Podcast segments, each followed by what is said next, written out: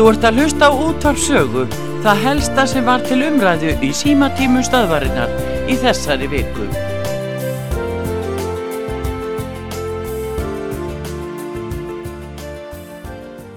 Gjörðu svo vel, hvað heitir þú? Já, góðan daginn, ég heiti Elín. Sæl og blessu Elín. Heyrðu, mér langaði svolítið að hérna ringja til að, að láta fólk vita því að, að það getur keft sér svona, látið, það getur sem sagt testa sér sjálft heima hjá sér. Já. Úti keft bara svona pinna í pökkum, frekar ótist í bónus eða króninni. Já, já, hvað stingur pinnan upp í nefið þá eða? Já, þannig að ég var sko að baka sörur um helgina með vinkonum mínum Já, og þær voru, það var einn hann í hóknu sko sem er livjafræðingur og hún var með þetta og hún sagðist bara að hafa keft þetta í held í bónur eða krónun og kannski víðar já, já, að fáist og hún hérna síndu hvað leiðbenninga með þessu. Já, og ég held hún hafi sagt að pakkin kostaði innan við 500 krónur. Já, já, já, ég man ekki hvað maður pinna voru í pakkanum við vorum hann að fjórar og hún lasi leiðbenningarnar það voru auðvelt. Og settum bara sjálfar upp í nefið og bara þetta lengi ykkur að fimm minútur eða hvað það var eitthvað svo já, og svo settum maður bara þetta með kristi úr, úr þessu pinna í ykkar hólfarna sem maður fylgdi með þessu. Já, svo áttum maður að býða í 15 mínútur og við vorum allar bara í góðum málum en þetta er ásalega En sniður veitum við, bara, þið, þið býðið 15 mínútur, hvað gerir svo eftir 15 mínútur? þá kemur í ljós sko hvort þið neikvæða Er það jákvæða liturinn á, Já, það er einhver litur hérna, þetta var uh, sko pínlítið hérna, hún var mest að ég skoða þetta en ég leita á þetta og ég sá þetta var ofsaðlega auðvelt og bara þræls niður.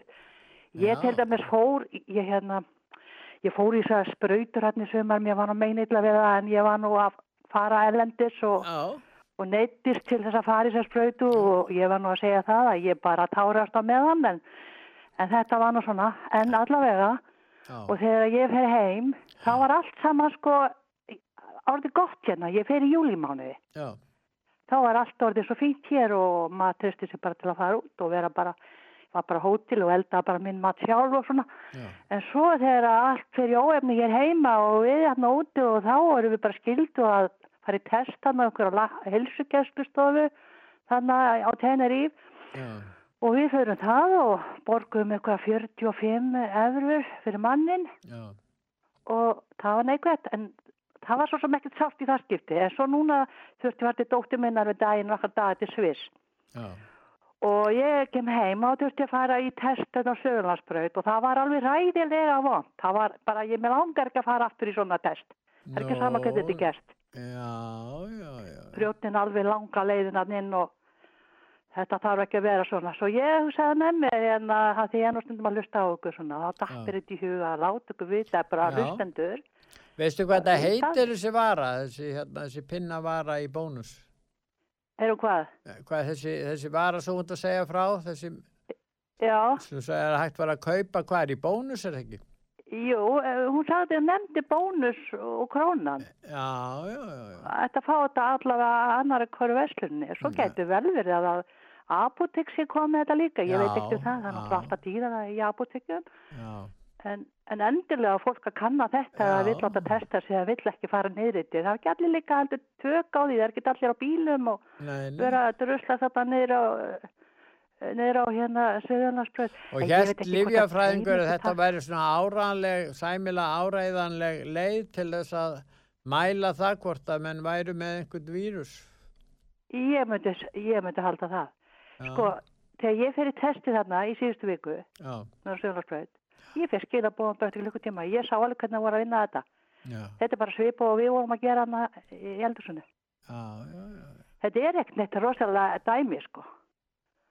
Fólk á bara að kynna sér þetta. já, þetta er, þannig að þetta verður bara auðvelt fyrir fólk bara getur, og, þetta, Já, og ekki svo er bara dýr. spurningi, sko, að hvort að þau hérna yfirveld myndi nú eitthvað treysta því að fólk myndi gera þetta heimja á sér og koma ekki til sín. Það er nú annars að maður veit ekki um það.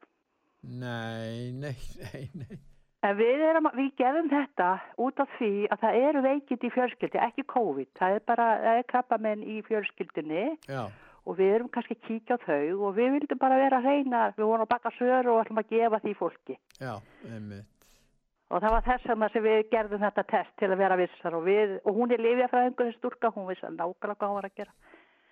En það eiga allir að, geta þetta sko, það eru held ég íslenska leifbeiningar með þessu. Hey, ég þakka þið fyrir að koma fram með þessa ábendingu um, um, um hérna, þessa pinna þarna, sem hægt er að kaupa í Veslunum. Já, og ég bara, mín er ánæðin. Já, þakka þið fyrir. Ég segi bara takk fyrir mig.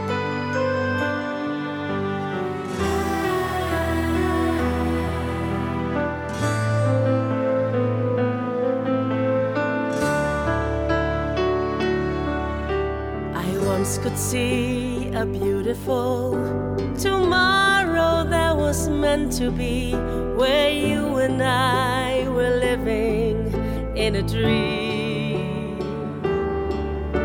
If I could have you by my side, the sadness that you've given me would disappear. I would forget all worries, heartaches, start all over.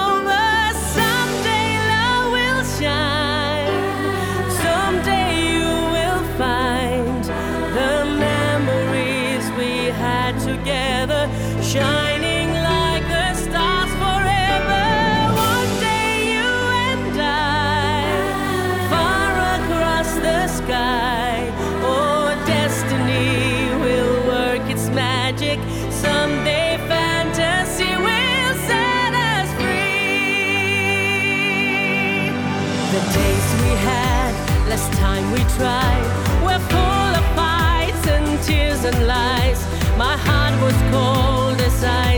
When I left you.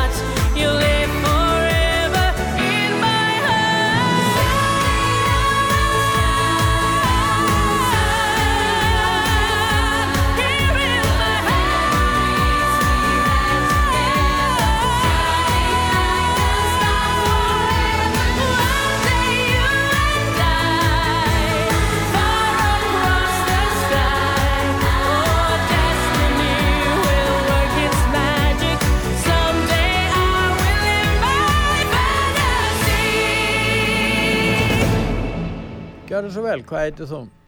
Já, góðan daginn, það er Björk Magnúsdóttir hér, Já, sæloblessu. verður Pétur. Daniel Ísebarn Ágússon Já, heitir hæstaréttalögmaður sem er aðal lögmaður eða málaferla lögmaður Örykjabandalags Íslands. já, Hann fyrir einni fyrir máli hjá Gráa Hernum. já, Ég ætla að panta hann í vita hjá þér til að fjalla um lífrissjóðina og almannatryggingakerfið. Já, já. Og til vara þá ætla ég að óska eftir því að formaður Örykjabandalagsins komi og formaður félags eldriborgara eða landsambands eldriborgara. Hvað vilt þú eh, að verði rætt um í, í slíkum þætti ef hann bæri fram? Já, ég vil að þessi farið yfir helst al- alveg sögu lífeyrissjóðana, hvað þeir hafa verið margir Já, frá upphafi og hversu oft uh, við höfum verið skert, öryrkja aldraðir, ekki bara frá 1. júli uh, 2009 nei, sem átt að leiðrétta 2011 og var svikið. já, heldur þetta uh, hérna uh, í síðust aldamót og þá borguðu við, við, við svo til enga skatta já, já, og, og, og svo er annar maður, ég hef nefni þriðja manni til sögunar, þá getur það verið Guðmundur Ingi Kristisson því að hann veit mest um uh, uh, sker, uh, þarna, keðjuverkandi skerðingar. Já. Keðjuverkandi skerðingar. Mm. Og það skiptir máli að taka þetta allt saman.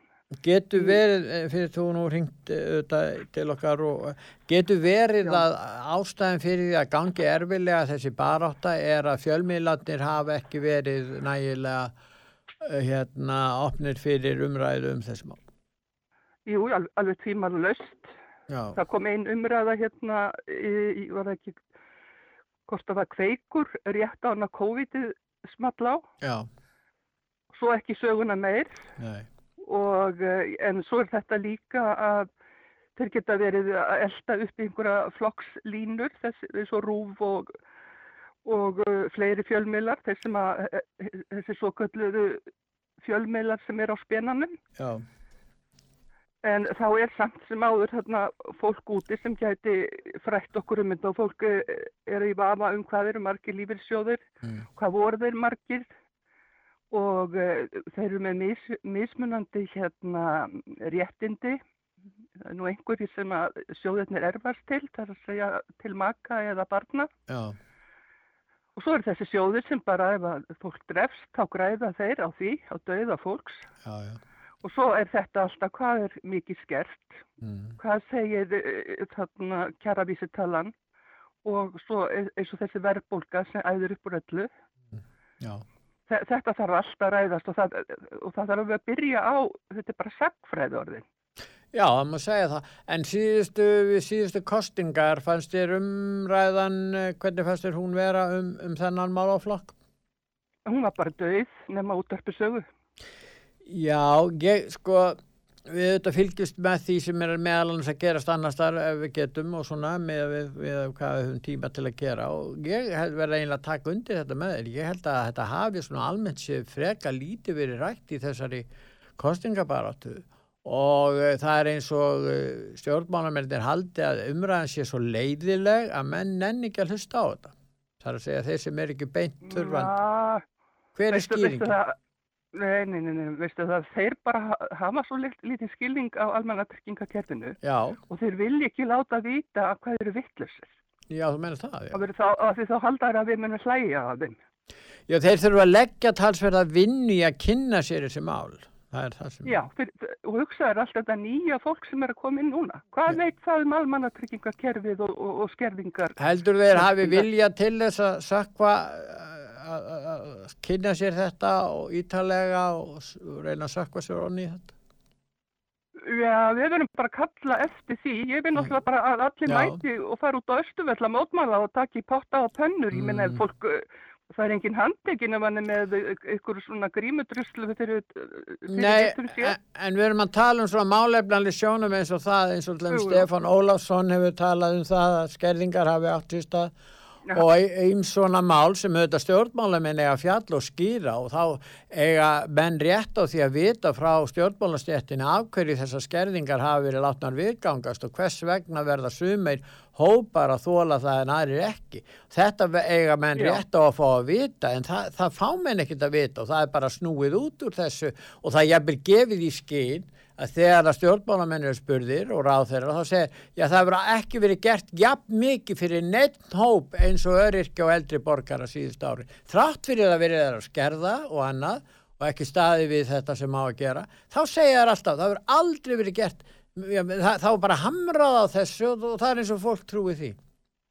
Já, það, ég veit ekki hvað er af ís, íslendingum almennt. Já, þeir verða er alltaf að vita um þetta, þetta er flókimál, eins og þú segir. Já, þeir, fólk, eh, sko, það er, nú að segjast eins og er, ég hefði nú ekki vita, geta ímynda mér það, hvað það myndi fel í sér að verða öröfkulífið þessi. Nei, En mér skilst á því sem fólk segir hérna áður fyrr, já, að það, það hef, hafi verið svo að segja skattlaust, það er að segja að væri, við værum ekki skattlaust svo hátt sem raun ber vitni í dag. mm, Þa, það sé sá helsti munur og var hérna Já. til síðustu aldamót. já, Og það þarf að virkilega að fara onni sauman á því en anna- annars að, að þú mynd, myndist á Stefán Ólafsson. já, Já, ég veit nú ekki betur en hann hefði setið í stjórn eh, tryggingastofnunar ríkisins, svo hann ætti nú geta svarað þessu öllu. já, Hann var nú þarna í stjórn uh, tryggingastofnunar ríkisins þegar við vorum skert 1. júli 2009, bæði öryskir og aldraðir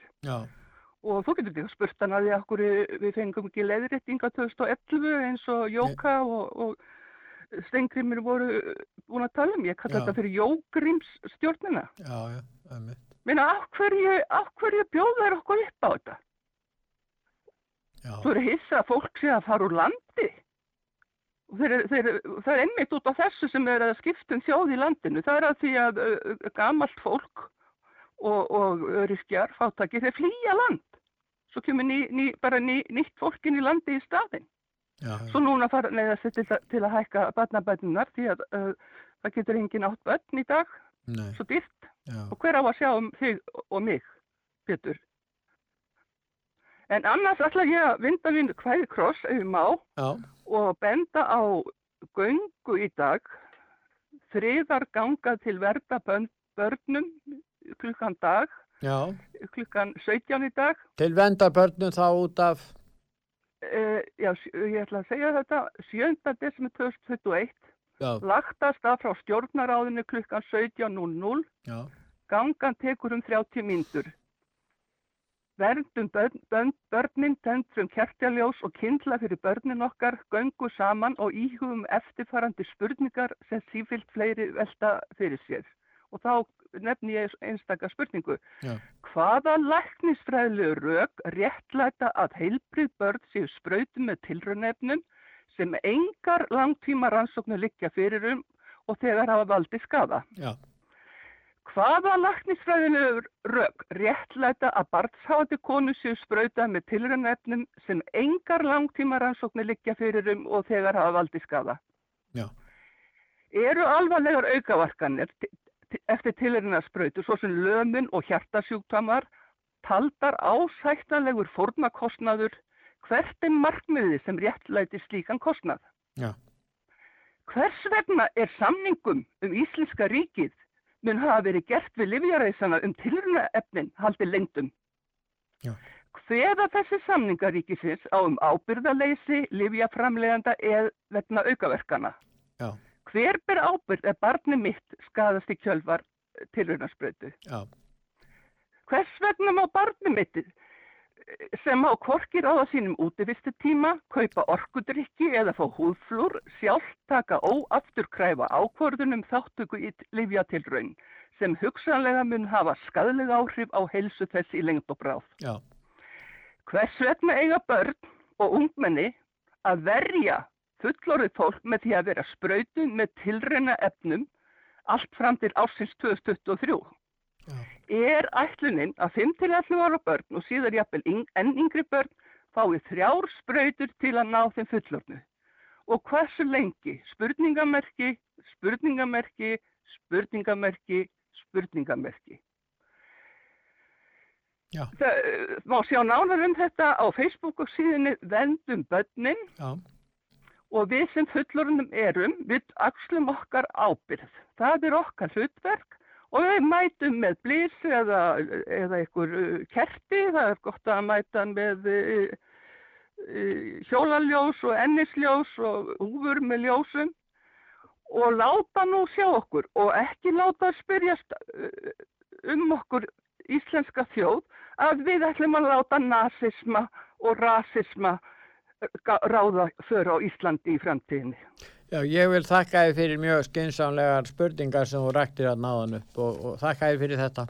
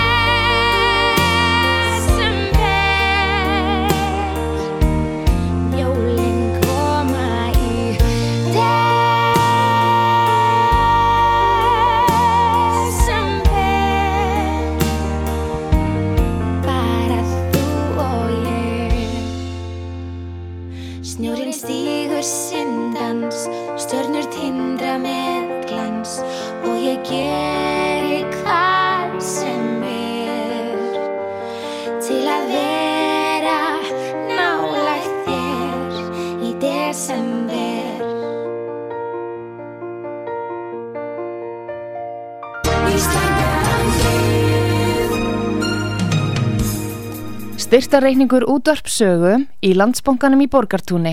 Útibó 133, höfubók 15, reikningur 10100. Nánari upplýsingar á útvarpsaga.is. Takk fyrir stuðningin. Svo vel. Góðan dag. Ég heiti Erla. Sæl og blessu Erla. Ég er nú verið að hlusta á um ræðnar eins og gengur. Já, já. Eru við ekki bara komin á aftur á 2008? Mm, já. Er þetta ekki eh, bara sami svipaður leikur, bara á öðru sviði? Já, Ég ég sambandi við bet- fjármálin Ég og man ekki betur en að, að eh, það hefði verið ringt í fólk frá bönkunum sem að voru svo góðir og sælir og fallegir Já, að, að starfsfólki er látið ringa í, í fólk sem átti einhverju auðra já, og sagt þeim að þetta væri nú ekki hægt þeir eru að leggja þetta í, í já. sjóða nýju og fleira. Ef farið að gera það aftur núna eða eitthvað? Nei, það, nú er það, það helbriðis stjettirnar Já, sem ringa í mann og segja þú átt að mæta í, í höllina. já, já, já. Það er verið að nota starfsfólkið, helbriðis þjónustuna já. til að framkvæma vilja einhverja manna eða abla sem að vilja okkur ekki gott. Já, þetta er ekki upplýst, það þarf að upplýsa ef, ef fólk á að gefa samþykki Nei. sitt, þá á það að vera upplýst samþykki, það er grundvallaratrið í okkar löggjöf, Já. Svandís hefur aldrei sagt hvaðan þetta kemur, aldrei hvað, hvað er borgum fyrir þetta og, og, og uh, hversu hættulegt þetta er, aukaverkanir og annað, þá má ekki ræða þær. Þannig að mér sýnist að þetta sé verið að misnota þjóðina í annarskipti í, í þjáu peningaabla erlendis. Það er auðvitað hægt að ræða þessi mál með margvíslegum hætti, en eitt finnst mér liggja bara í augum uppi og ég vona, ég held að margir séu nú sammála því. Er af hverju er verið að bólusittja börn þar sem ekkert barn hefur dáið á skulum úr þessu? bara- Ekkert barn. þetta- Við skulum ekki kalla þetta bólefni, þetta er Já, eða, eða sprautur, skulum kalla Já, með þessum efnum, fólk, efnum. einhverju mótfæra sem engin veit hvað er Af hverju er verið að sprauta börn með þessu sprautu efnum? Af hverju er það? Þegar þeir það er vita vegna þess vel, að einhver það, hefur gagnað því alla sér nákvæmlega eins og þegar fólkinu var sagt að leggja inn í sjóð nýju já, og þar voru saklausir bankastarfsmenn látnir gera þetta og ég veit að, margir þeirra hafa ekki borið sitt bar sálalega hafa orðið valdir að því að, að fó- fólk bara misti aðleguna og í þessu tilfelli eru við að missa Já, við veitum ekki hvað við erum að missa, við veitum ekki hvað við erum að fá með þessu spreng, eh, eh, eða þessu bólefni sem þeir eru að tróði í okkur. En hugsa er að bera ábyrð á því. Hvað finnst fólki um það? að, er bera, að bera ábyrð á því að börn eru sprautu verða hugsanlega fyrir heilsuskada af þessu, það hafa ungmenni orðið fyrir heilsuskada, uh, hjartagöllum, það, það, Hjartavöðvabólga. já, til Og svo, svo virk- verkar þetta á axlunafærin er verið að gelda börnin okkar. Já, við, við sko, það er bara langtíma áhrifin er ekki vita, það er ekki búið að rannsaka Nei. þetta. Þetta er tilraunalif og þess vegna spyr maður aftur og aftur, hvernig líður því fólki ef það kemur svo í ljós og er að koma Já, í ljós það það að börn, börns verða, verða fyrir alvarlegum heilsuskada og jafnvel hérna, lífshagsmunni þeir í veði, hverjum Já. dettur í hug og svo Já, er þetta að- læknar sem eru búin að skrifa undir það. Skada engan. Bara Já, veita þetta ekki- hjálp en ekki skada og þeir eru búin að er skrifa þetta undir Er þetta ekki eins og var á Hitlers tímum? Þeir sem að mótmæltu uh, stefnu uh, ríkisins að þeir voru bara teknir og umferð. Og vilja þeir helst ekki gera það líka hérna núna þá taka það fólk úr umferð sem að ge- geltir ekki með þessu, uh, þessu spröytustandi? Já, ég held að sé nú þannig, Erla, ég er náttúrulega ekki hlutlaus, en ég held að útvarsaga er eini fjölmiðl sem leifur ólíkum sjónamiðum að heyrast, vegna þess að við erum ekki rittskoðaður fjölmiðl. Já, og, og hverju kemur ekki Ríkki sjómarfið með og segir okkur um helsu, hvernig helsa stúlkunar er sem að vaknaði lömu daginn eftir spröytuna? Af hverju segir hún ekki hvernig henni líður? Þarf að fela þetta, er þetta eins og með sjóð nýju? þarf að fjela þetta. En af hverju er Livjastofnun ekki búin að útskýra fyrir íslensku þjóðinni af hverju mörg, mörg þúsund tilkynningar hafa borist frá fólki sem hefur verið sprautað með þessum efnum og kvartað undan því og mörg nokkur hundru alvarleg tilvík og það er skiptað þúsundum. Akkur er ekki Livjastofnun uh, ríkisins búin að útskýra þetta? Livjastofnun ríkisins vinnur undir helbriðsráð þeirra hún er tekið nú um fenn. Já. Þetta er sama á takkunin í Þískalandi. En, en, já, en við náttúrulega búum í einhvers konar líðræðisrík, er það ekki? Það er náttúrulega ömulegt að vita til þess. Það er ekki lengur. við, við fáum tilkynningar í síma hvað við hefum að gera. Við vitum það hvað gerist í Þíska þriðja ríkjun ef menn leti ekki að stjórn. En hvað gerist Já. hér? Hér geta menn risið upp það og hvart... Það er nú útilokka þá sem ekki styrstansin með þeim. Já, já. En menn verða að hafa kjark og dög til að efa sem. Þetta kemur frá Európa-bandalæginu því ekki, merkileg bara ekki danað en gammal nazisti. Heldur þú það? Nú séu það. Já, þú sér nú hvernig Európa allar að fara að gera núna með, með ekki einu sinni má ekki eins og tala um kalliða konu Jú, jú, það er þessi vitleis og það er alveg rétt sko. hvernig sé það er skotum Málaskráin frá Brössel En hvað finnst þér um það? Nú hefur helbriðsráður að lísti yfir að hann mun ekki hér mæla með því að fólki verið þvingað í, í spröytu Já, ég er að búna að hann sé ekki eins innmúraður eins og innmúraður í glæpin eins og svandis Já, nú, það gæti kannski bjargað okkur. Nú er ganga í dag út að, til að venda börnin og hérna við bara já, vonum... Já, ég hefði farið ef ég hefði hilsu til þess að fara, ég bara hefði það ekki. Nei, nei, en það er ægt að fylgjast með þessu. Takk ægir fyrir já, að ringja, Erla. Et, eh, fylgjast ekki með blöðunum sem að koma í mokkanum annars slægið. Já. Það kemur helsíðu auðlýsing. Já. Það er búið að koma helsíðu auðlýsing. Já núna í hverju viku Já. það er friðagangan hún var auðlist Já. við viljum svör Já. og við viljum svör þetta er, þetta er ég veit fjóra blaðsýður við viljum svör og þið breyft til Svandísa Svavastóttur þetta eru fjögur, þetta eru fimm blöð Já. sem hafa komið heilsýður í mokkanum og það talar enginn um þetta til skóla, stjórnenda, helbriði, stjættafóreldra og aðstandendur allra barna á Íslandi. Já. Þetta hafa komið hérna og það hefur ekki komið einustu sör hjá helbriðisáðara. Nei. Hún forsmáir alltíðuna eins og þessi stjórn hefur gert. Og svo er síðasta blæðið auglýsing, ég, ég misti að fyrsta blæðinu, þau hafi verið liklega fimm helsíð auðlýsingar í mókanum. Já. Þannig að það er ekkit allir heila þegnir í, í þessu glæpamáli uh, sem að tengis kórónu. Nei, nei. Það er til fólk sem að... Það eru er ómargi sem að dansa með og, og við hefum sjálfsett eftir að sjá ansi mikið aflegginga þessu og verri heldur en við þorðin. Það dætt engum í hug þegar við erum að láta bankastafsmenn ringa í, í gamalt fólk og, og þá sem áttu einhverja auðra til ellinar til að reynta þetta inn á skinni og það verið að reynta okkur líka helsunni kannski til sem við drefustum fyrir og það er svo sem allt í með mjög ég, er, ég get farið hvernig sem er en það verða með yngra fólk En það er eins og þú ert að tala um þegar bankarnir voru að mistnóta aðstöðu sína, það var engin dregin til ábyrðar fyrir það? Nei, heldur þú að, að, að, að fólki sem er að spröyta bönnin okkar þeir koma tánisaldur og eru kannski orðin uh, ófrjó Já.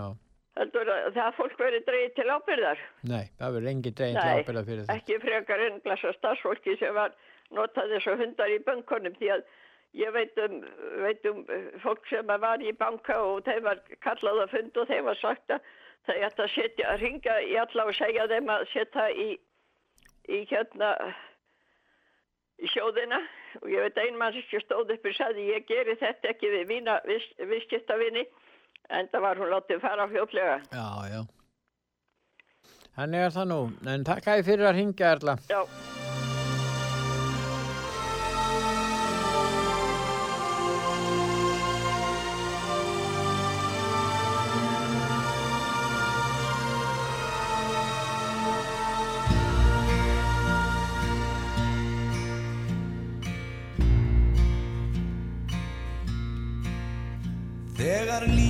Fer að jólum vagna óskýr börnum hjá. Já það er alkunn saga. Og óskup var það líkt hjá okkur stundum Hérna í gamla daga. Fullt af óskum þá og draumum eins og nú Sem mátti engum segja. Þeir ólguðu í brjóstinu og skelving var oft sátt að þeia. En mamma skildi flest, já mamma hún var best. Hún bætti öllu úr, svo undarlega fljótt. Marga hluti þurft að eignast eins og nú En fá að auðra hafa Og enginn let sig dreyma um að eignast Kanski fjöld að gjafa. En jólafötin nýju allir þurftu líka þá. Já það er gömul saga. Og það var alltaf von á jólakettinum í gamla daga. En mamma vissi það, já mamma kunni það. Hún var í önnum oft, þá aðri sváfu rót. Þó ekki væri alltaf hægt að hlaupa út í búð Við hafðum nóg að flestu Til minningana oft ég aftur sný Og á þá jólin bestu glöð við okkar þó að ekkert væri Borgað dýrverði. Og enginn kann að undirbúa jólin eins og mamma gerði. Því mamma skildi flest. Já mamma, hún var best. Hún bætti öllu úr underliga flut Svi mamma vissi allt. Mm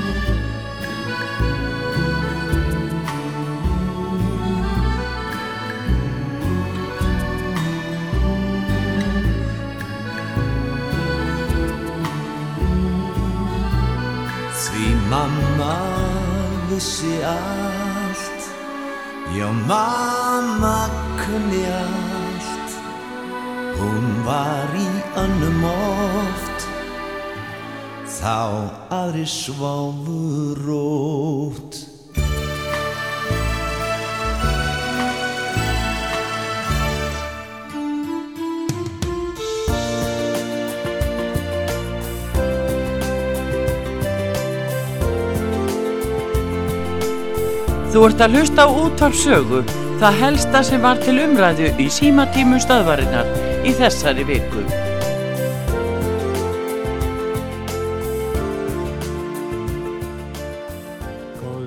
hlustendur, þið er að hlusta á útvart sögu, ég heiti Pétur Gunnlaugsson og útvartstjórun er mættu, góðan dag. Já, góðan dag og góðan dag hlustendur.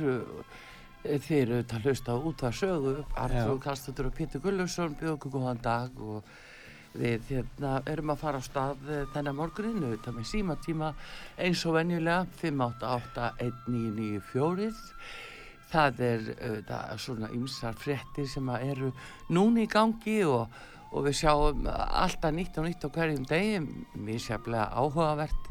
En uh, það verður gaman að heyra hvað hlustundum finnst um ímislegt sem hér er uh, hvað séu þú með frettablaði í dag? Já, ég var að skoða það í morgun Við takkum frettablaðinu fyrir að, að koma frettablaði það var Já. ánægulegt En hérna, hér er við að fjalla um útilokuna menninguna Já að útloka fólk uh, ákveðna hópa Já. og það segir hér að yngri aldurshópar, yngri kynnslóðin sé jákvæðari akkvært útlokana menningunni Er það fyrirsögn? Það er fyrirsögn, já að vísu eru náttúrulega stærri, miklu stærri hluti yngri ekki jákvæður. Já.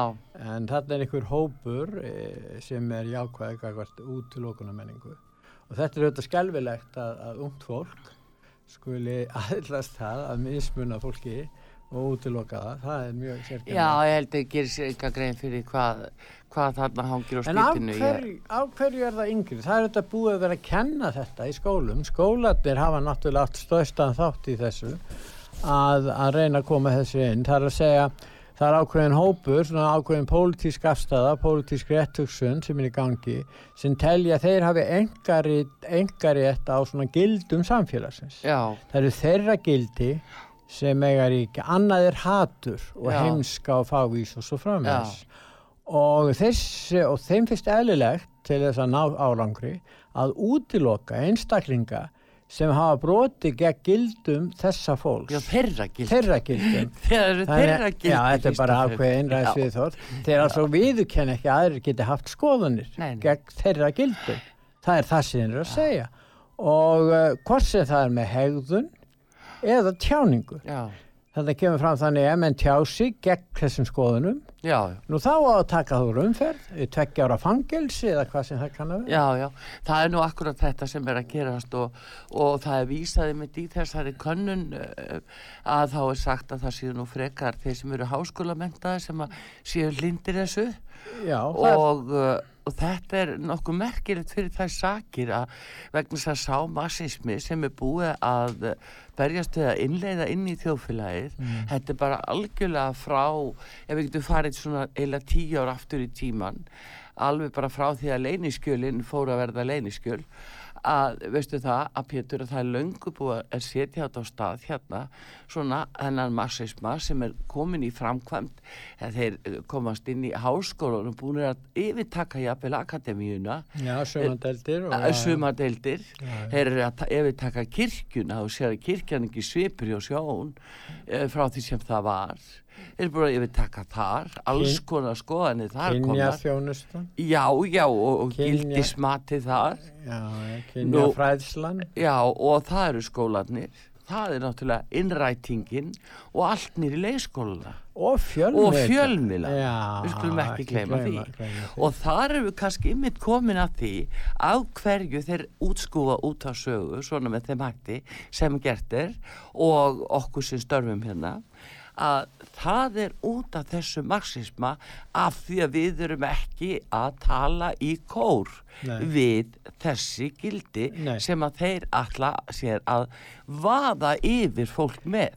Já, sko, og allir eiga að vera skítrættir við þetta. Já sko gamla vinstrið, ég tala ekki um gamla vinstrið sem aðhildi Sovjet það er mjög erfitt að samfæra um það samfæra fólk um það að þeirra efnahaskerfi væri eftirsoknavert það, það var slík einn sem fylgdi því þá hættu þeir því og fóru yfir í það að reyna að hafa áhrif á menninguna. Já. Þannig að menningin stjórnar stjórnmálakerfinu Já. og stjórnmálakerfi stjórnar svo aftur efnaðskerfinu. Þannig að þeir ætluð að ná þessum þættu samfélagsins Já. og þess vegna eins og þú segir, ná yfir á þeim í akademínu, jafnvel í kirkjunni fjölmiðlum, íþróttafélög Já, það er verið að stúta, reyna að stúta, stúta Já, við skulum íþróttahefingunni. taka Vegna þess að íþróttafélög. þessi, menn, þessi Það menningar... er komin ákveðin hópur sem aðhyllist Já, já, já. sem er að taka þarna yfir Já. og við sjáum þetta allstað í kirkjunni líka og, og hérna og þetta tengist, þetta er nú eins og kemur hér fram aðtilsvert, það er þó meirhlutir eru konur það er að segja þetta virðist vera, er vera mót, ungar konur vera móttækilegar fyrir því að útiloka þá sem hafa ekki sömu skoðun eins og það Jú, jú, það er einmitt á par við þessa umræðu sem að, að við náttúrulega sjáum. Já. En hins vegar er alltaf, er fólk alltaf átt að sjá því þegar er verið að vitni skoðanakannanir. Það er eins og hvernig það eru unnar, hvernig er spurt, hvers konar kannanir, hvers konar aðferðafræði notu. Þannig að það er svona ekki alltaf, eh, alltaf hérna ljóst eh, hvaða, hversu mikið er markaðir. Já. En þetta er allavega fyrirsögn yfir þetta blæni í dag. Já, já, það, það láta mm. letu fara fram könnun um þetta Já, og gaman að heyra hvað hlustendur segja um þetta. Og það er líka annað mál sem ég sé hér á fórsíðu morgunblasins ég ætla aðeins að varpa því fram og hefði líka sömulegs haft gaman að heyra hvað hlustendur segja um það. Að það er og komi einmitt í fréttum rúfi gerkvöld að það eru forsvarsmenn Pfizer og BioNTech Þeir sögðu í gær að frumrannsóknir síndu að bólefni fyrirtækjana veitti enn virka vörd gegn ómikrón afbreið koronaviruna eftir þriðaskamtin. Nú er þið komnið þegar þykistöður er búin að rannsaka það í alveg mánu að þriðiskamturinn og þriðjaspröytan að hún veiti vörd gegn ómikrón. Hvernig óskupunum geta menn látið hún, var- og fólk á að kokleipa þetta. Þegar þeir framleitu þann skamt þá byggust þeir alltaf við Omikron. Já, ómikrón, já, það er allt því að var inn í programminu. Já, ég veit ekki, þeir eru kannski, já, Já, en hluti hugsaðu að geta búið til líf Já, sem að tekur á svona sjúkdómum sem að er fyrir hendi eða afbrýð af því. Já, já, þeir segja þetta, ég.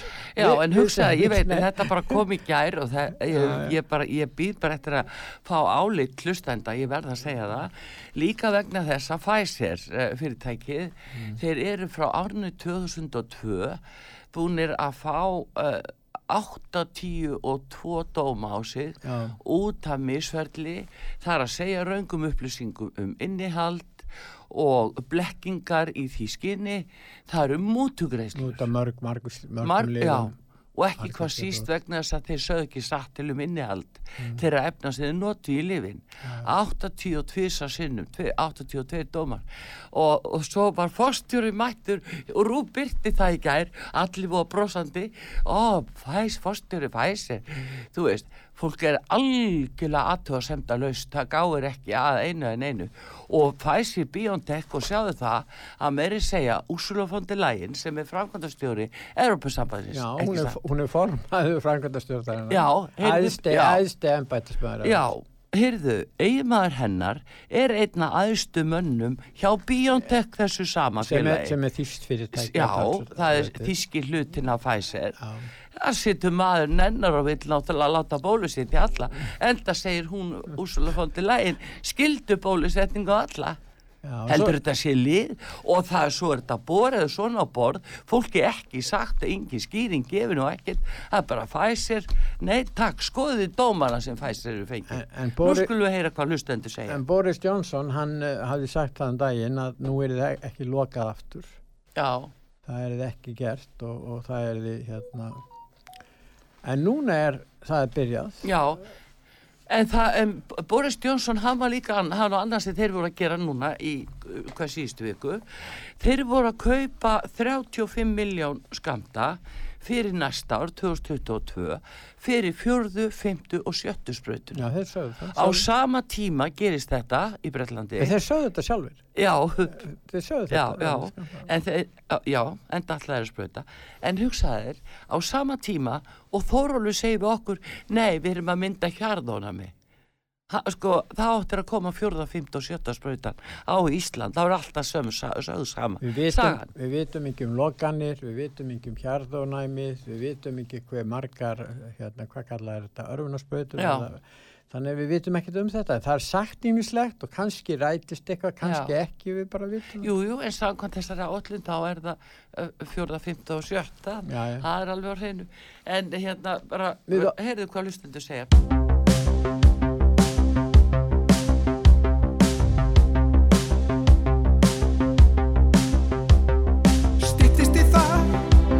Að við setjum upp skrauti, skellum upp greni, það stýttist í það.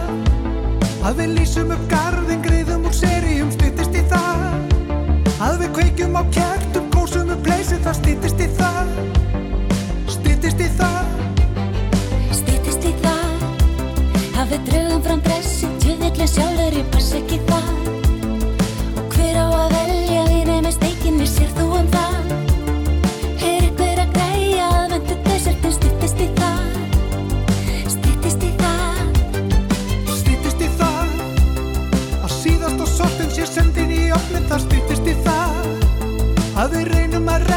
restin af gjöfunum Stýttist í það Að við skrúpum bur skítin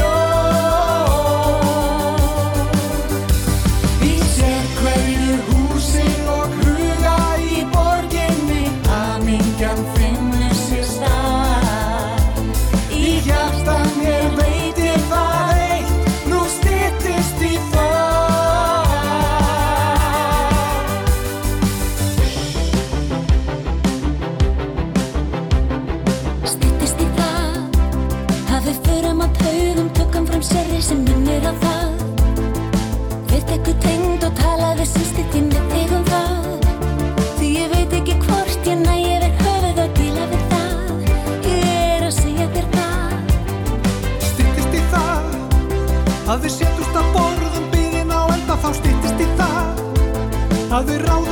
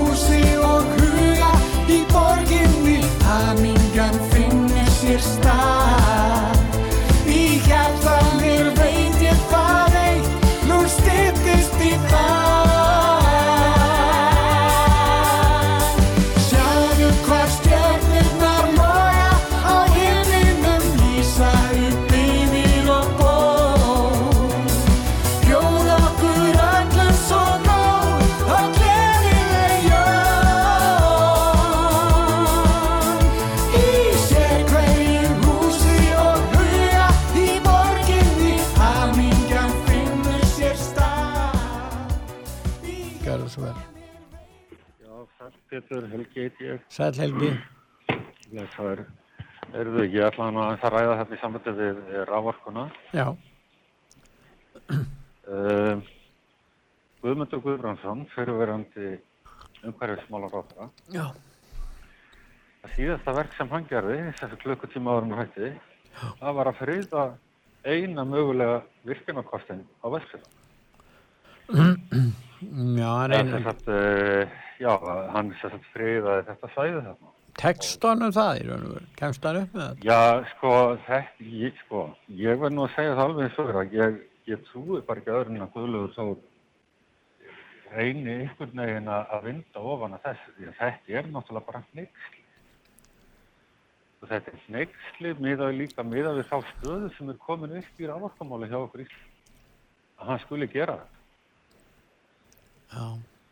Og um, síðan varðandi sko, til dæmis varðandi vindmilur og, og vindork og annað sko, það hefur nú verið talað tölvöld mikið gegn því hérna út af sögu.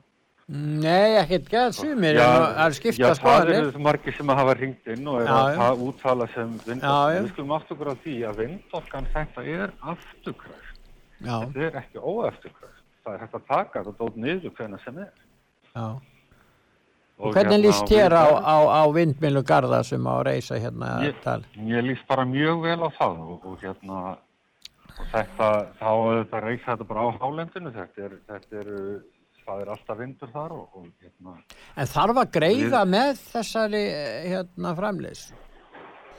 Þeir gera það í Það er- Evrópusambandinu sko? Nei, það held ég ekki. Ég meina það er mikil vöndun á rávorku hérna. Jú, en við bara spurningin er að það er verið að framleiða orku en það er borga með henni sko, eins og það hefur verið gert lengi. En, þeir, en þetta er náttúrulega fullkomnari vélar að verða til sem kannski uh, eru afkasta meiri og, og eru, eru ódýrar í, í, í, í, í, hérna, í rekstri, ég skal ekki segja. Já, ég, ég hef ekki heyrt það að það sé verið að borga með vind, vindravorkustöð. Ég, ég hef aldrei heyrt það. Ég, Ekki- er inn á Evrópu? kerfið og, og, hérna, og það er nóga kaupendum af, raforku á Íslandi. Og, hérna, ég ætla að byggja fólkuna í guðanabænum að hætta þessum fortölum og gagvart sko vindmilum. Ég meina, þetta, við bara höfum okkur eins og Don Quixote, sko. Já, já, já, já, og ráðust á vindmilum. sko, eh, finnst bara að, að, að, að þetta það sem hann gerði á Guðmundur Guðvarsson, þetta er nexli Já. og maðurinn verður að þetta svara fyrir þetta. já, heldur að gera það? Ég, ég ætla bara rétt að vona það. Ég ætla að vona að, að til þess að miðflóksmenn taki þetta bara upp á synginu, fyrirspurt og, og hérna og fá við Guðla Þóri inn í þessu umræði líka. Ég þekki er náttúrulega alveg fáranlegt að hann skulle gera það. Nú eru menn, hafa menn áhyggjur af raforku skerðingum og bæði er landsvirkjun að tapa stór fjö út af gagnaverunum, það er þeir til dæmis Já. uh, og síðan er verið að út af þessari hérna vertíð þarna, út af loðnuvertíðinni, þá er það um að ræða Já. meiri hátt að skada fyrir alla aðila. Það kom fram í fréttanum í dær að, að sófunin í rávorkunni, hún nefnir 10 miljardum ári Já, já, og það er náttúrulega, þetta er bara graf alvarlegt og líka það að það skulle ekki vera hægt að leggjast í, í það að leggja sko eh, hérna almennlega rávorkustrengi. En er ekki að koma í ljós núna að uh, hérna, stefna vinstri grætna síðustu fjögur árin hefur komið í vekk fyrir að það væri uppbygging nægileg á þessu sviði? Jó, það er það Er það er ekki, akkur ekki sko. að horfast í augu við það, viðurkenna það, í staðan fyrir að, að láta þá leiða þessa umræðum um bæðum umhverfis og lofslagsmál og umhverfismál og, og rafurkumálin líka. Það, ég meina Já. ef ástandi er svona eftir fjögur ár, þarna voru miklu möguleikar að halda áfram á þessu tíma og ef þá vera að setja í fyrsta, ef þá setja í bakkýri núna eða gera lítið sem ekki neitt næstu fjögur árin, þá getur rétt ímyndaðir hvernig ástandi verður. Síðan eru gerðar meir og meiri kröfur til okkar af hálfu uh, umhverjusvenda sinna jafnframt því. Þannig að ástandi getur er verið orðið mjög hættuleg. það er svo mikið tvískinningur í þessar umræðu, sérstaklega hjá vinstri bænum. Þeir eru að tala um það að við verðum að fara í orkuskipt. Þeir tala um það að, að verða allir að fara hérna á ramaspíla og það þarf að rafverða hérna skipaflottan og, og skemmtifæraskipin og allt þetta í alltaf vera á ramagni, en það má ekki virka. Nei. Þe- Þetta er svo mikið tvískinningur í þessar umræðu, ég bara, ég skila ekki.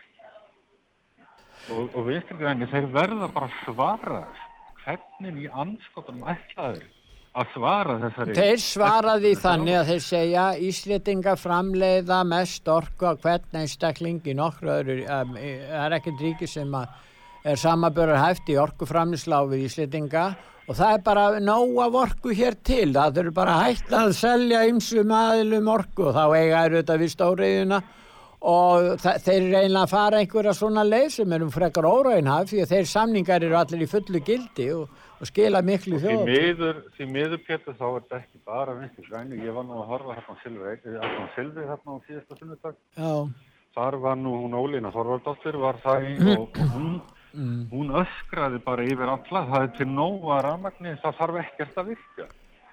Þessu fólki er bara ekki stjáðar.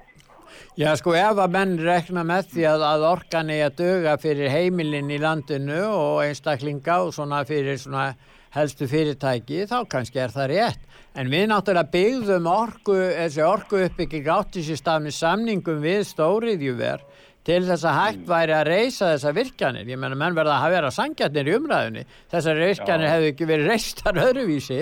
Þannig við erum bundnir á samningum og við höfum náð betri samningum þannig að álverð er að hækka núna og þá fær landsvirkjum talsveit meiri tekjur út af því. Hins vegar er raforkuskerðingin, hún er hins vegar að skada okkur. Hún er að skada okkur og, og sjáðu bara það sem að gerðist þetta fyrir norðan fyrir nokkrum ára síðan. Þegar sveitirnar þarna allstar þarna fyrir norðan voru rafmagnsleysir í fleiri við fleiri. Já. Þetta er ekki góðulegt. Það er ekki hægt að bjóða upp á þetta. Er fyrir Pétur, ég, þetta er nóg hjá mér í dag. Takk að fyrir, bless.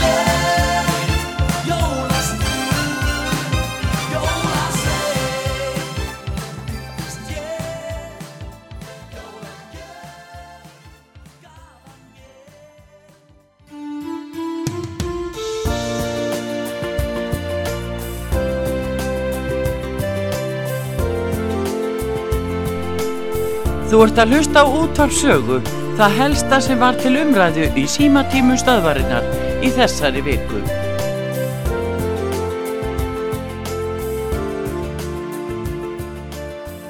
Gjörðu svo vel. Góðan daginn, Björn minn. Góðan dag.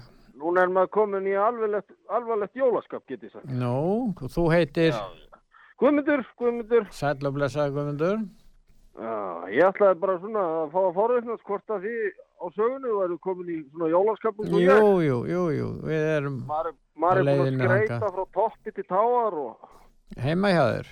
já, sjálfsög og sérstaklega í bílskotnum. Þar á ég svona, svona griða stað. Já, já, já, já. Ertu búin að skreita inn í bílskotnum? Og... Er það búin að skreita inn í bílskurnum? já, sjálfsög, búin að setja upp jólatré og, Já, já, og svona.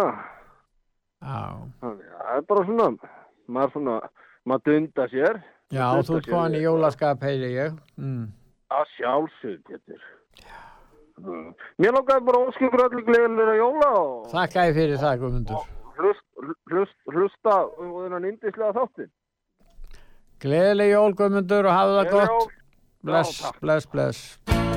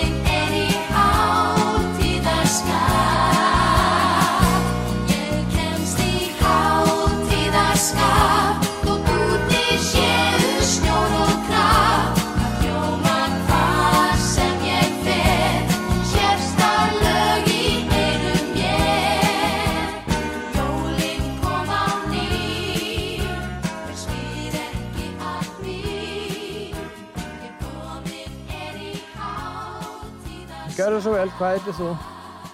Góðan að blessaðan daginn, þið kæru út af sögu. Já, Þetta er Inga Sæland hérna megin. Sælöfbless, sælöfbless. Hérna, ég er nú með svolítið annað mál sem að mig langaði til þess að nefna og langar að vita hvað fólki finnst um. og Orð- það var orðið mál er sem við vorum með í þingin Lengi í gær. Já, orðið er frjálstinga, þú getur talað bara það sem þú vilt. það er um blóðmerahald á Íslandi. Já, já. og hérna þetta vakti mikla aðtikli og er að vekja mikla aðtikli það er undis, undirskriftarsafnanir í gangi. Erlendi fyrirtæki dýravelferðarsamtök eh, samtök hestamanna út um allan heim. Landsamband íslenskra hestamanna landsamband tamningamanna hluti af dýralækna samfélaginu er að fordæma þennan búskap eða svo má kalla þessa, þessa yðju, þennan yðnaf og e, þetta tók í rauninni meira á minna af störfum þingsins í gær. Við mættum fyrir málinu í kringum fjögur og, og þinginu laukum átta. Þannig að var, voru tvö mál sem fóru inn og mikill áhuga á að, að tjá sig um málið. Þannig að Ísteka fyrirtækið sem, sem er að mala gull á þessu, þessari blóðsögu úr, úr fylgfulltum uh, hrissum uh, sendi okkur bref, þingmönnum, eina mínútu fyrir tólf í gæl, lofaði bót og betrun í öllum aðbúnaði og, og, og öllu, öllu, öllu því sem kemur að þessari blóttöku gagvart hrissónum. Já, já. En þeir lofuðu líkt öðru heldur en þeir voru að staðhæfa núna í, umsögnum sínum í vor með frumvarpinu þeir mælti fyrir því þá. Já, þetta er í annað sinn sem þú leggur máli fyrir dingið, er það ekki rétt? Og ég er Drjánarsinn og fórstjóri Ísteka sem er að lofa bót og betrun og var nú að rifta þarna samningi við, við þá bændur sem kom í ljósa voru í þessu dýranís myndbandi sem að svo margir þá sér. Já. Að fórstjóri sjálfur var nú á staðnum akkurat.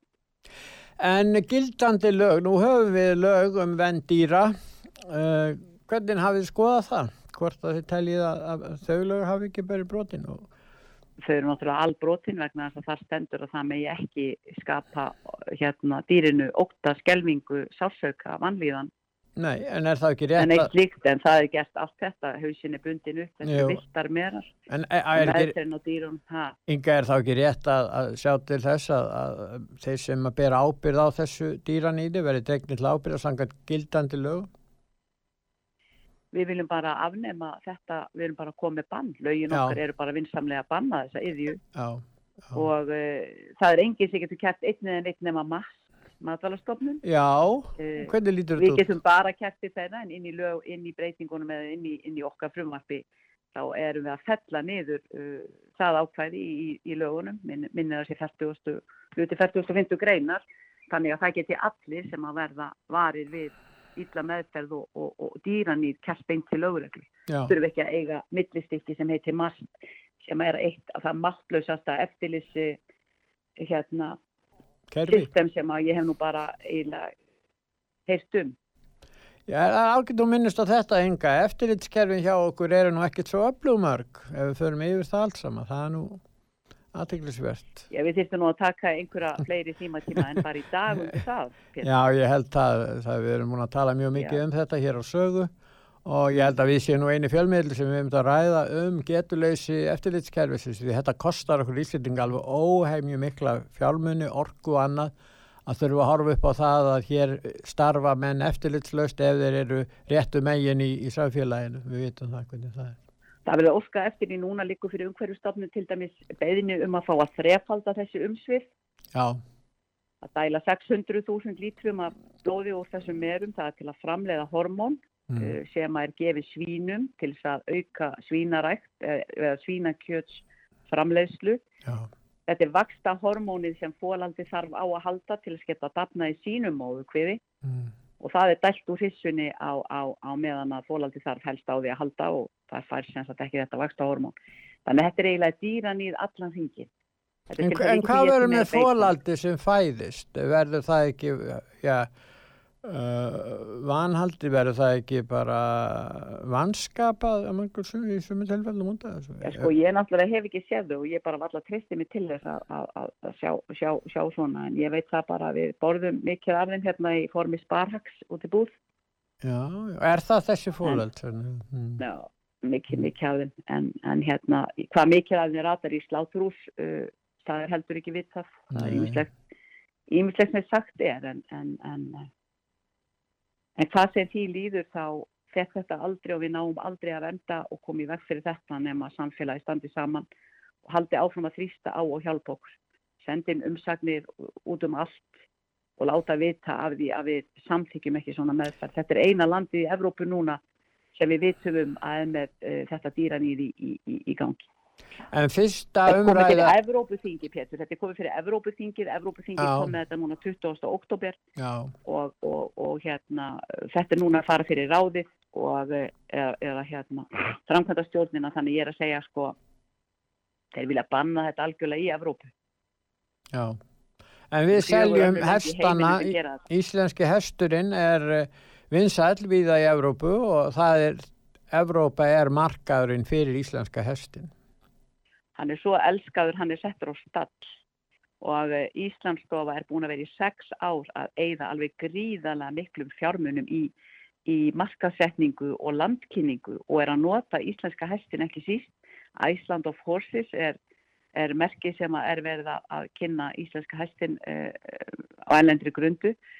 Og núna þriðja ári í röð hefur verið slegið Íslandsmet í sölu á íslenska hestinum. Og sennilega talið Veistu á hvaða þessu ári. tölur við erum að tala um þar? Já, þessu ári er talað um um 2 mil, tveir miljardar, það var um 1,5 miljardur í fyrra. Já, Talað um að, að við munum selja íslenska hesta núna fyrir réttum 2 miljardar króna. já, Eh, Það er um 7-8 miljardar króna á ári sem að bændur og þeir sem að hafa, eh, sem eru með sko, þjónustu, útreiða, túra og Já, annað slíkt fyrir ellenda ferðamenn. já, Það eru, það er hátt í 10% ellendra ferðamenn að sækja okkur heim sem að eh, fara í útreiðatúra og, og, og heimsækja íslenska hestin til að fara hestbakk já, og, og í rauninni hagsmunir okkar eru svo gríðarlegir af því bæði hvað varðar okkar orðspor og alþjóða samfélagið að, að þessu sé hægt og stjórnvöld verða bara að grípa inn í til að sína það að við tökum þetta alvarlega. Já, þannig að ég að sko, þetta er bara þetta er bara eitthvað, þetta er bara ákats íslensku hérna rissunar til okkar um að viljið vinsalega hætta að koma svona fram við okkur sjálf og, og, og afkvæmin okkar, þetta er bara það er eitt að, að hérna, stunda búskap og það er annað að þurfa að dringa skeppnur og binda upp hausina á þeim til að ná í bláæð á hálsi og svo, svo skrökvaði ístekkaðar að senda okkur það og segja að sé dýralækni sem sjá um þessa blóttöku, alla blóttökur. Það er svo mikil ósannindi að ég, hann, hann hikar ekki við að senda þetta inn, inn, inn til þingmanna, kjöruna full frá alveg Íslandík. En nú hljóta samt ymsir dýralæknar að hafa vittnesku og þekkingu og, og hérna og uh, já, geta komið á framfæri bestu upplýsingum um hvað hefur og verið gerst í þessum, uh, í þessum máli allir saman, þessum Getur það heitir peningar. Personulegir, Já. eigilegir, sérstakir, fjárhagslegir hagsmunir. Já, já, Það heitir bara það. Mm. En að, en að dýralagnar taki eh, blóð áttasinnum á sumri úr 5.300 merum, nei, það er algjörlega af og frá. Þetta er einu sinni viku, það er algjörlega af og frá. Að brota brot, þar sem að dýralagnir er uh, uh, viðstættur, brota brot. já. Nú, að, er nú það, ég þakkaði fyrir Inga að benda á þetta. Hefðu, og takk fyrir ykkur og bara alltaf best að geta komið og, og, og fengið að tala. Og sagt Já, það fá allir að tala Inga, það er bara að taka upp síman, að Allir segja fá menn. að tala Já. á og já. takk fyrir ykkur, Pétur minn og Artrúður. Þakkaði fyrir það Inga. Jólin, jólin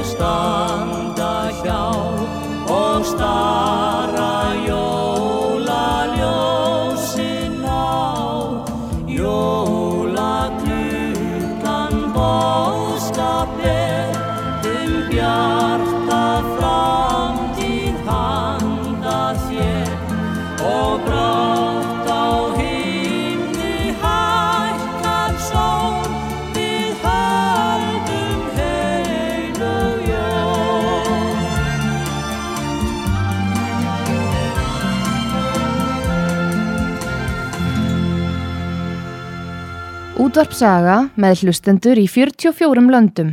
Útvarpsaga.is Gjörðu svo vel, hvað heitir þú? Einar heiti ég. Já, sæl. Ég, þú veit alltaf að tala um það að út að saga, þó að það er góð stöð, ég ætla að taka það fram. Já. Hún sé óreitt skoðu, Já, sem er alveg rétt að mörguleiti. já, En ég, ég, svona í þessu mánuði finnst mér að fólk ætti nú kannski að, að reyna að vera svolítið jákvæðar alltaf er. Mér finnst, ég lusta mikið á okkur já, og mér finnst hérna allt og mikið um einhverja neikvæða umræðum koronaveiruna og lifin og það hefur engin hundsvitaði hvað þetta er, hvorki artrúðið ég eða aðrir. Nei.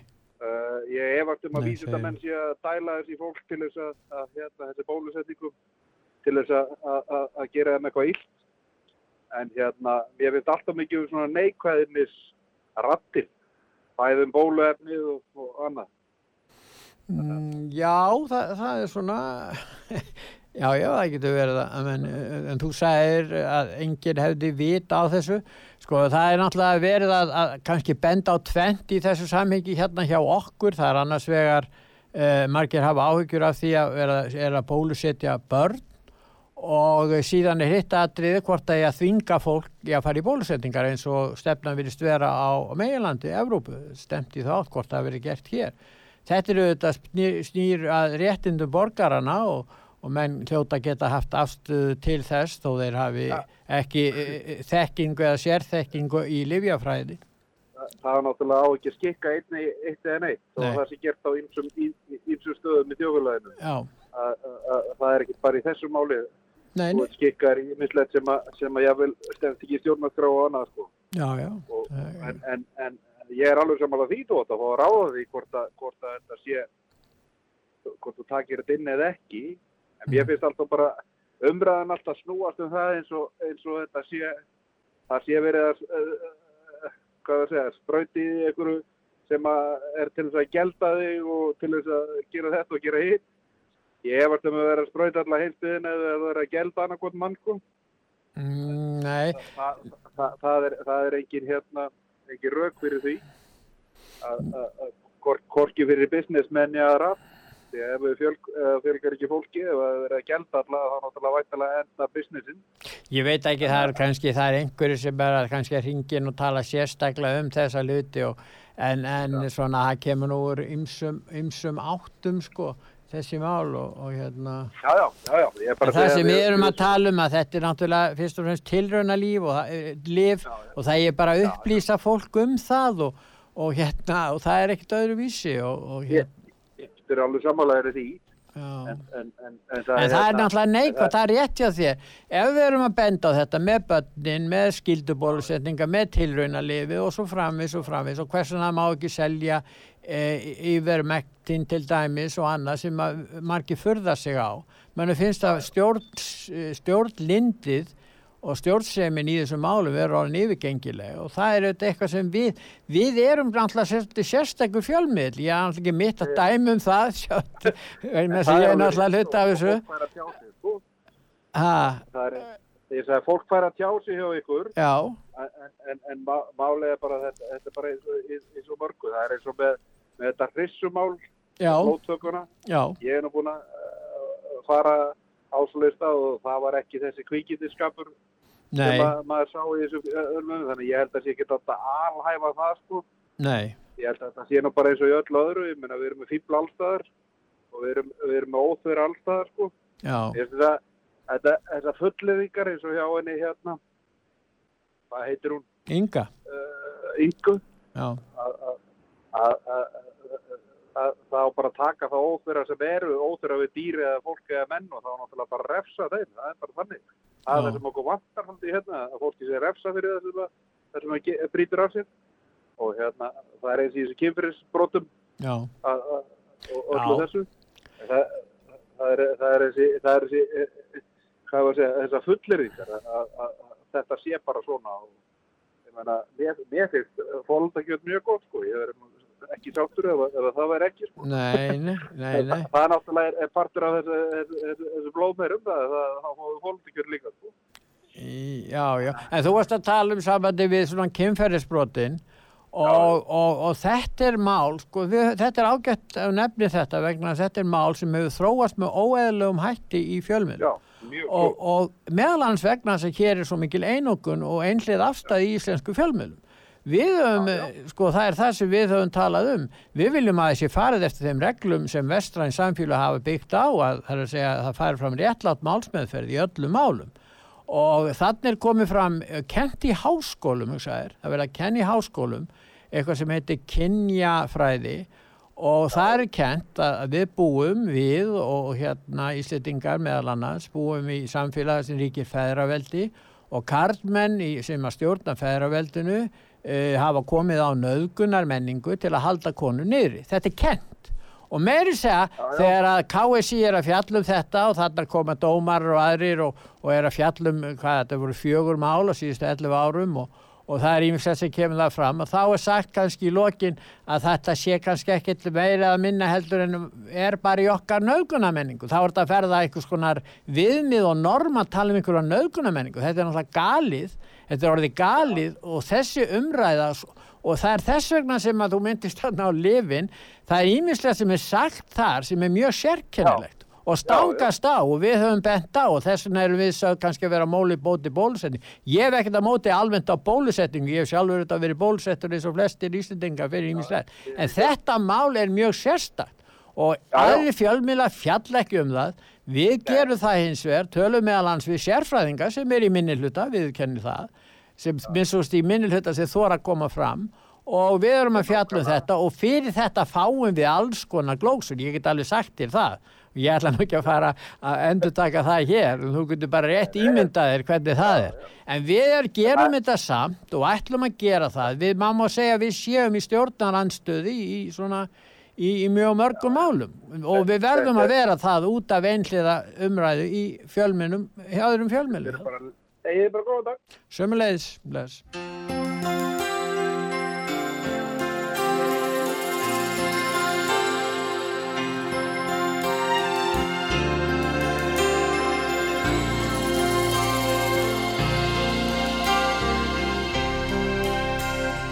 Bella Santa Maria, llena eres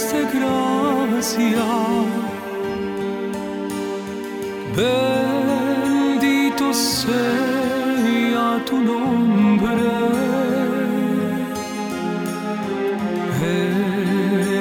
La gracia de Dios. Bella Santa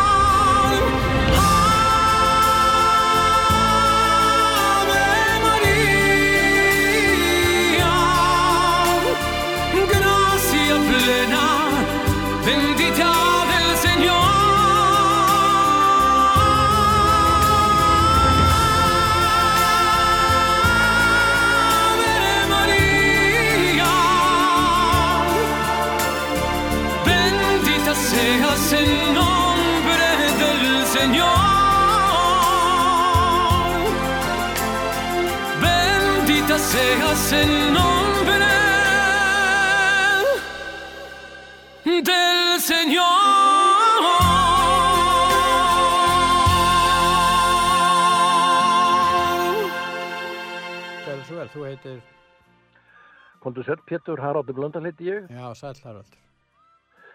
Hörruðu, mér langaði til að varpa svona upp eh, bara smá hugmynd eða umhugsun.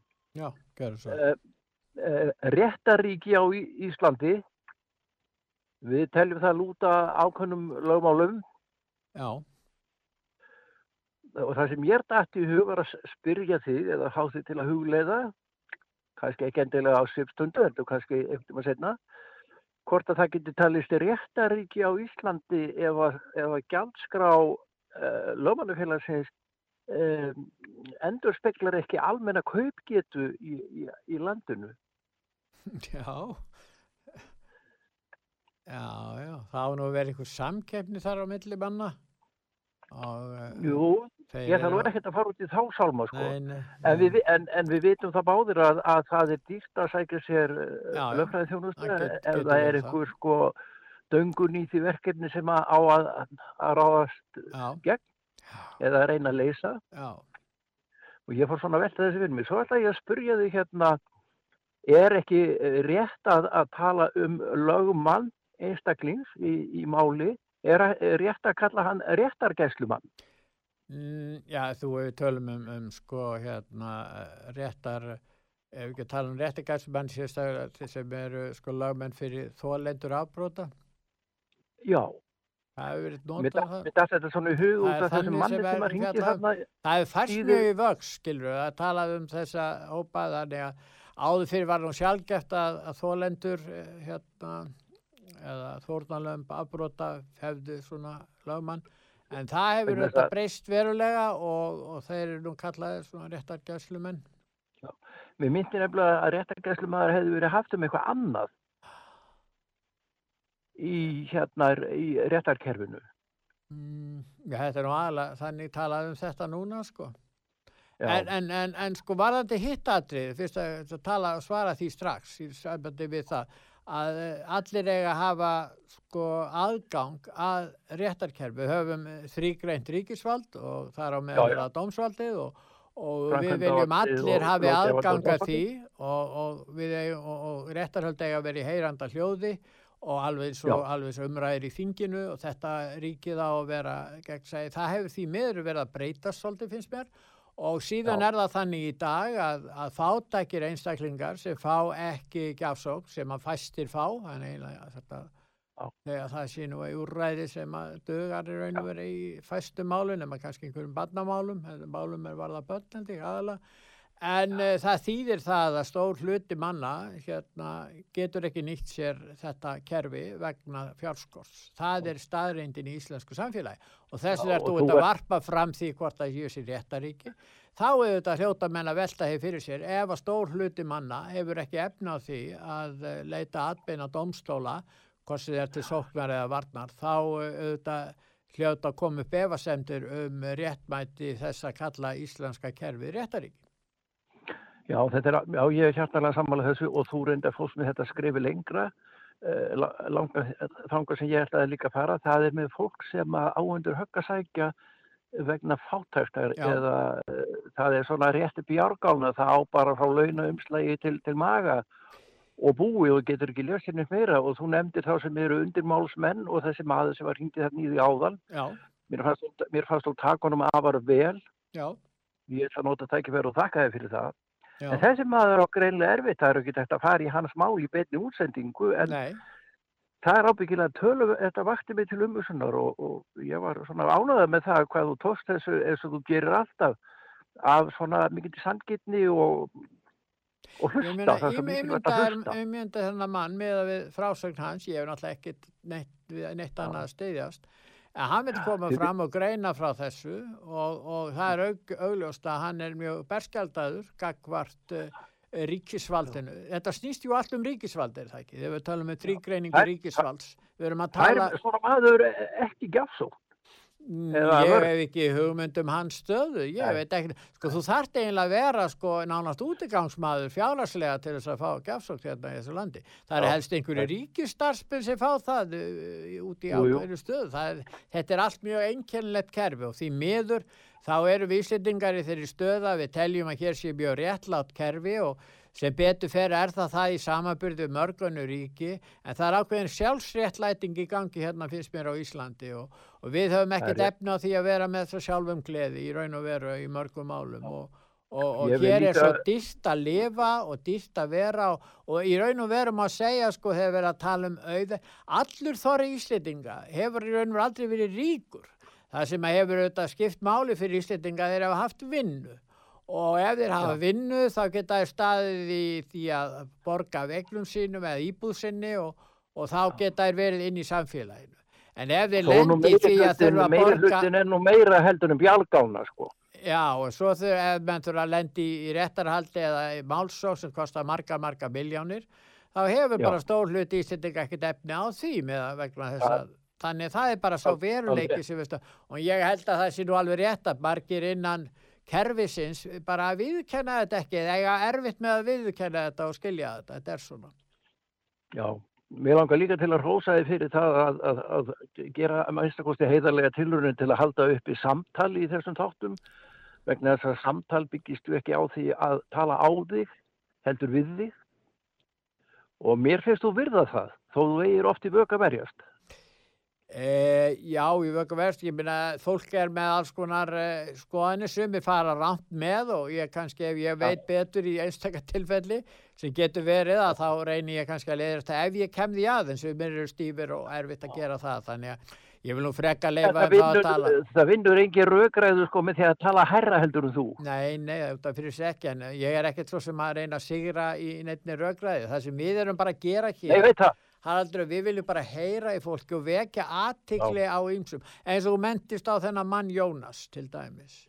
Já, ég veit ekkert um hann. Nei, ég veit ekkert um hann, ég meina það er þetta að vekja aðtikli á margs konar, já, á málum og, og ránglæti, á ýmsum ránglæti sem að, að ýmsir lenda í og, og veit ekkert hvað þeir eiga að gera. Þetta geta hringt hingað og, og svona greint frá því. Já, það er mjög gott vegna þess að sumir bara viti ekki hvert er eiga að snúa sér eða hvort er eiga yfirleitt að snúa sér. Já, kerfið er líka alltaf að verða flóknara og það eru, það eru mjög mar margir sem eigi erfileikum með að klást við það. Ég ætla ekki að ha- halda þessu lengur, þú bara fyrir- gaman að heyri þér og óska ykkur á þessari stöð bara gleðilega jóla Já, gleðilega. og, og ég hvet, hvet fólk þess að styðja ykkur og styrkja, það veit ég greinlega ekki af því. Takk að fyrir það. Já, blessaður.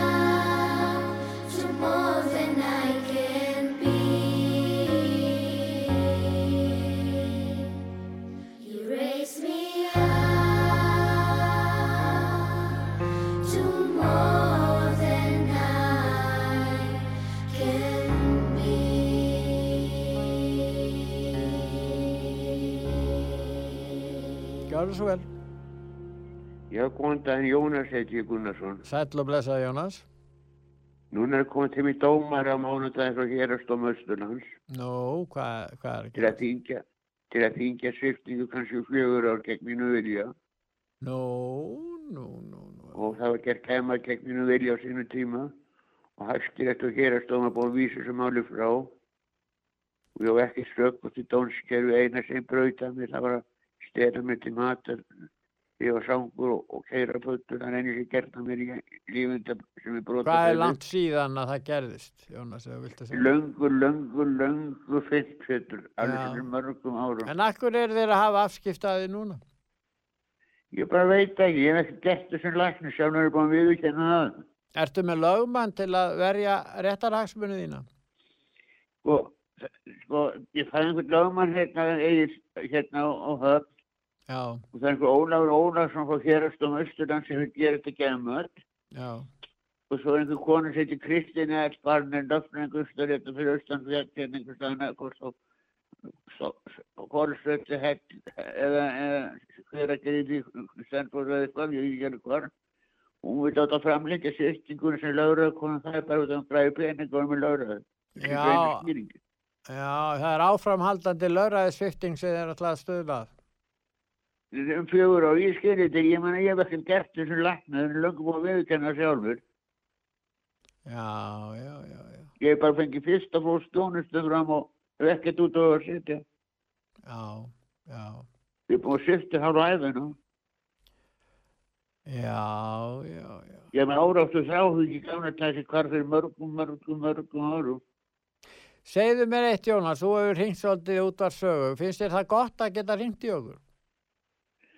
Reinastu öðun sem fólk nær að tjá sig eins og ég sem er búin að lenda í vandræðum í lífinu. Já, Nei, já, það er eina skoðunin frelsi stöðun að það er búin að brjóta svona öllum réttindi. já. Hvar vil ég hafa mörgin þegar það er að brjóta svona fólk? Erði Jónas, lá, látt okkur fylgjast með þessu sem er að gerast hjá þér. Getur þú það? Já, takk, takk. Gerðu það, Jónas, gangi, gangi vel. Bless. Eitt lítið jólalag um léttan jóladag og allt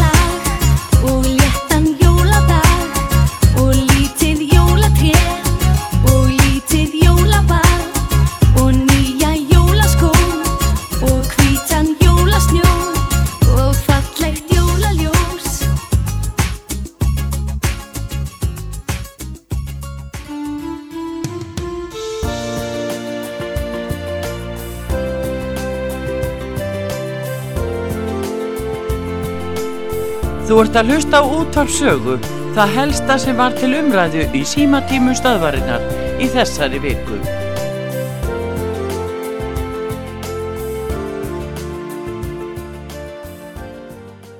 Góðir hlustendur, þér að hlusta á útvart sögu. Ég heiti Pétur Gunnlaugsson og útvarstjórin er mættur. Já, já, aftur og nýbúinn. Já, já. Ég er bara að vekja aðtekli hérna á frétt í fréttablaðinu uh, sem að þú varst að segja reynda frá áðan. Já. Og uh, þar segir fréttablaði frá því að stjórnamaður í samtökum Íslenskra auðlýsingastofa segi að æskilitt væri að þriðji aðli kæma mælingum að áhorfa auðlýsingum í sjónvarpi og útarpi og blöðum. Þú hefur sagt Netmiðlum. þetta lengi og þú varst að tala um að fjölmiðla stofa ætti í raun og veru. Ég hef með þess að senda þær skriflögu uh, tillögur til mentamálanemndar alþingis minnstakosti í tvígang og uh, bent á það að þetta væri mjög nöðsulegt að þriði aðili kæmi að og það væri einmitt fjölmjöla nefnd sem að til dæmis hefði með það að gera uh, hvernig uh, framkvæmt á slíkri könnun yrði gerð. Bæði símin og sín eru búin að segja sér frá galupmælingum. og í samaburði við, já við myndum líta á þá sem frekar stóra fjölmiðla. Já, mér finnst þetta mjög aðtiklisvert Já. og, og hérna, eh, ég verð að segja að þeir segja að eh, fyrirtækin eða segja að mælingarna séu gallaðar og það er alveg rétt hjá þeim því að þetta er nú mál sem að á rættu sínu allt frá árinu 2009 og frá því að það var tekið upp svo kallar rafrænt kerfi og PPM-mælingar sem að voru keiftar inn til Íslands, það var á sínu tíma 365 miðla sem gerðu það og fengur ríkisútarpi með sér. Þeir sóttu um undan þáu frá samgefnislögum. Taktu eftir Pétur. Þetta er snar bannað í samgefnislögunum tíundu greininni, það er banngreinin að þú mátt ekki og svona hópar með ekki taka sér saman. Það verður þá allir að fá En að þetta er með. búið að líðast. Þetta er búið að líðast. Þeir sóttum undanþáu frá samkefnislögum að, til þess að fá að gera þetta og fengu það.